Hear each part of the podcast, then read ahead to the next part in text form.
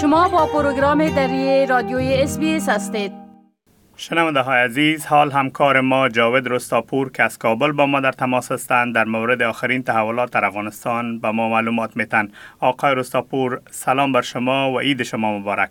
با سلام وقت شما بخیر. همچنان عید شما و شنوندگان عزیز هم که صدای ما را میشنوند مبارک باشد. آقای رستاپور مردم اولین عید خود را زیر حاکمیت طالبان در افغانستان سپری می کنند شما که در افغانستان هستین میشه که بگوین تفاوت عید با عیدهای دیگه چی است و مردم در مورد عید چی میگن؟ بله دقیقا همان گونه که شما فرمودین عید این نخستین عیدی است که مردم افغانستان زیر پرچم امارت اسلامی طالبان سپری می‌کنند و این دو تفاوت بسیار عمده نسبت به ایدای گذشته و سالهای گذشته داشت. نخستین تفاوتش است که این سال به گفته شهروندان ما افغانستان به خصوص پایتخت نشینان دسترخوان مردم اوار نبود در عید و بسیاری از خانه ها عید را بدون از که به گونه رسمی تجلیل کنند و غذاهای ایدی تهیه کنند. امسال سپری شد. حتی در روز اول و دوم اید که ما کماکان در بخش جادهای کابل گشتم و دیدم شماری از کارگران در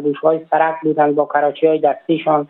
از ما از یک چند تایش پرسیدیم در منطقه کلوله پشته که امروز خو عید است. گفت ما اصلا نه تنها عید نکردیم که حتی شو عید را با نان و چای سپری کردیم.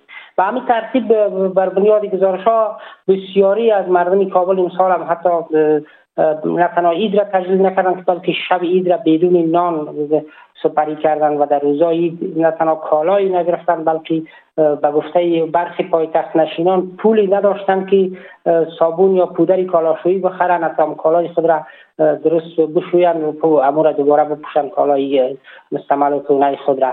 به همین ترتیب دومین تفاوتی که داشتی بود که این سال هیچ کس از موسیقی لذت نبرد دهید موسیقی نبود به همین ترتیب برنامه های تفریحی از طریق رسانه ها هیچ رسانه داخلی در افغانستان که سالت سه روزی در برنامه های ویژه تفریحی به مناسبت عید می گرفتن هیچ برنامه هیچ تلویزیونی هیچ رادیویی زیر حاکمیت طالبان نتوانید که برنامه ویژه به مناسبت عید ترتیب کنه و به شنونده و مخاطبین خود رایه کنند که و در تفریگه های هم که کماکان افرادی که می‌رفتن جرأتی از را نداشتن که موسیقی اونجا پخش کنند در تلفن های خودشان یا دیت ببرن یعنی این امسال عمده ترین تفاوت شمی بود که از موسیقی سیر ساعتیری تفریح خبری نبود و مردم تقریبا ظاهرا مایوس به نظر می رسند و موضوع دومش هم که پیشتر اشاره کردم مسئله نبود نان و فقر و بیکاری که نسبت به سالهای گذشته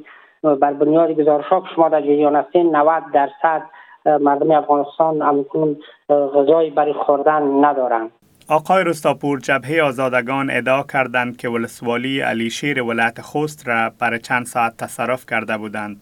میشه که در این مورد جزیات را با شنونده های ما شریک بسازین و بگوین که جبهه آزادگان چی وقت تاسیس شده و در کجا فعالیت دارند؟ بله در خبرنامه جبهه آمده که نیروهای جبهه آزادگان در یک درگیری یک ساعته ولسوالی علیشیر ولایت خوست را تصرف کردند و پس از جمعوری اسلحه و تجهیزات نظامی ساختمان ولسوالی را دوباره ترک کردند. بر بنیاد خبرنامه در نتیجه این عملیات ولسوالی علیشیر با 11 تن از افراد تحت امرش در داخل ساختمان ولسوالی کشته شدند. اعضای جبهه آزادگان در خبرنامه خود تاکید کردند که این عملیات در این عملیات به نیروهایشان هیچ آسیبی نرسیده.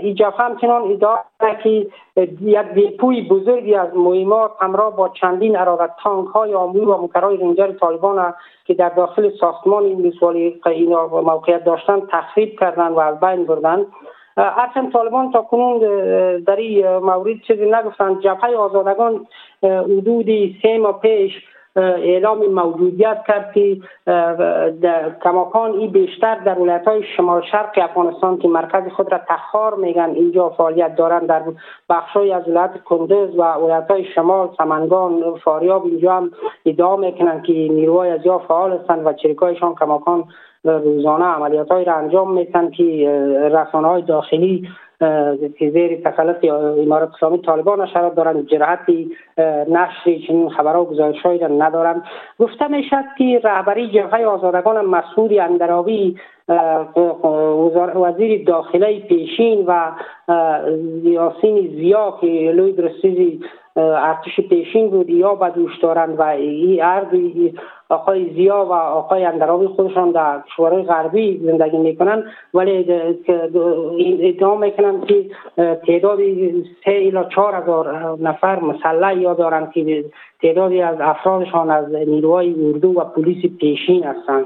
این در حالی است که مسئولان جبهه مقاومت ملی هم که احمد مسعود رهبری را به دوش دارد گفتند که نیروهای این جبهه شب گذشته بر یک قرارگاه طالبان در پل ایثار در ولایت که در ولایت بغلان موقعیت دارد پل حمله کردند.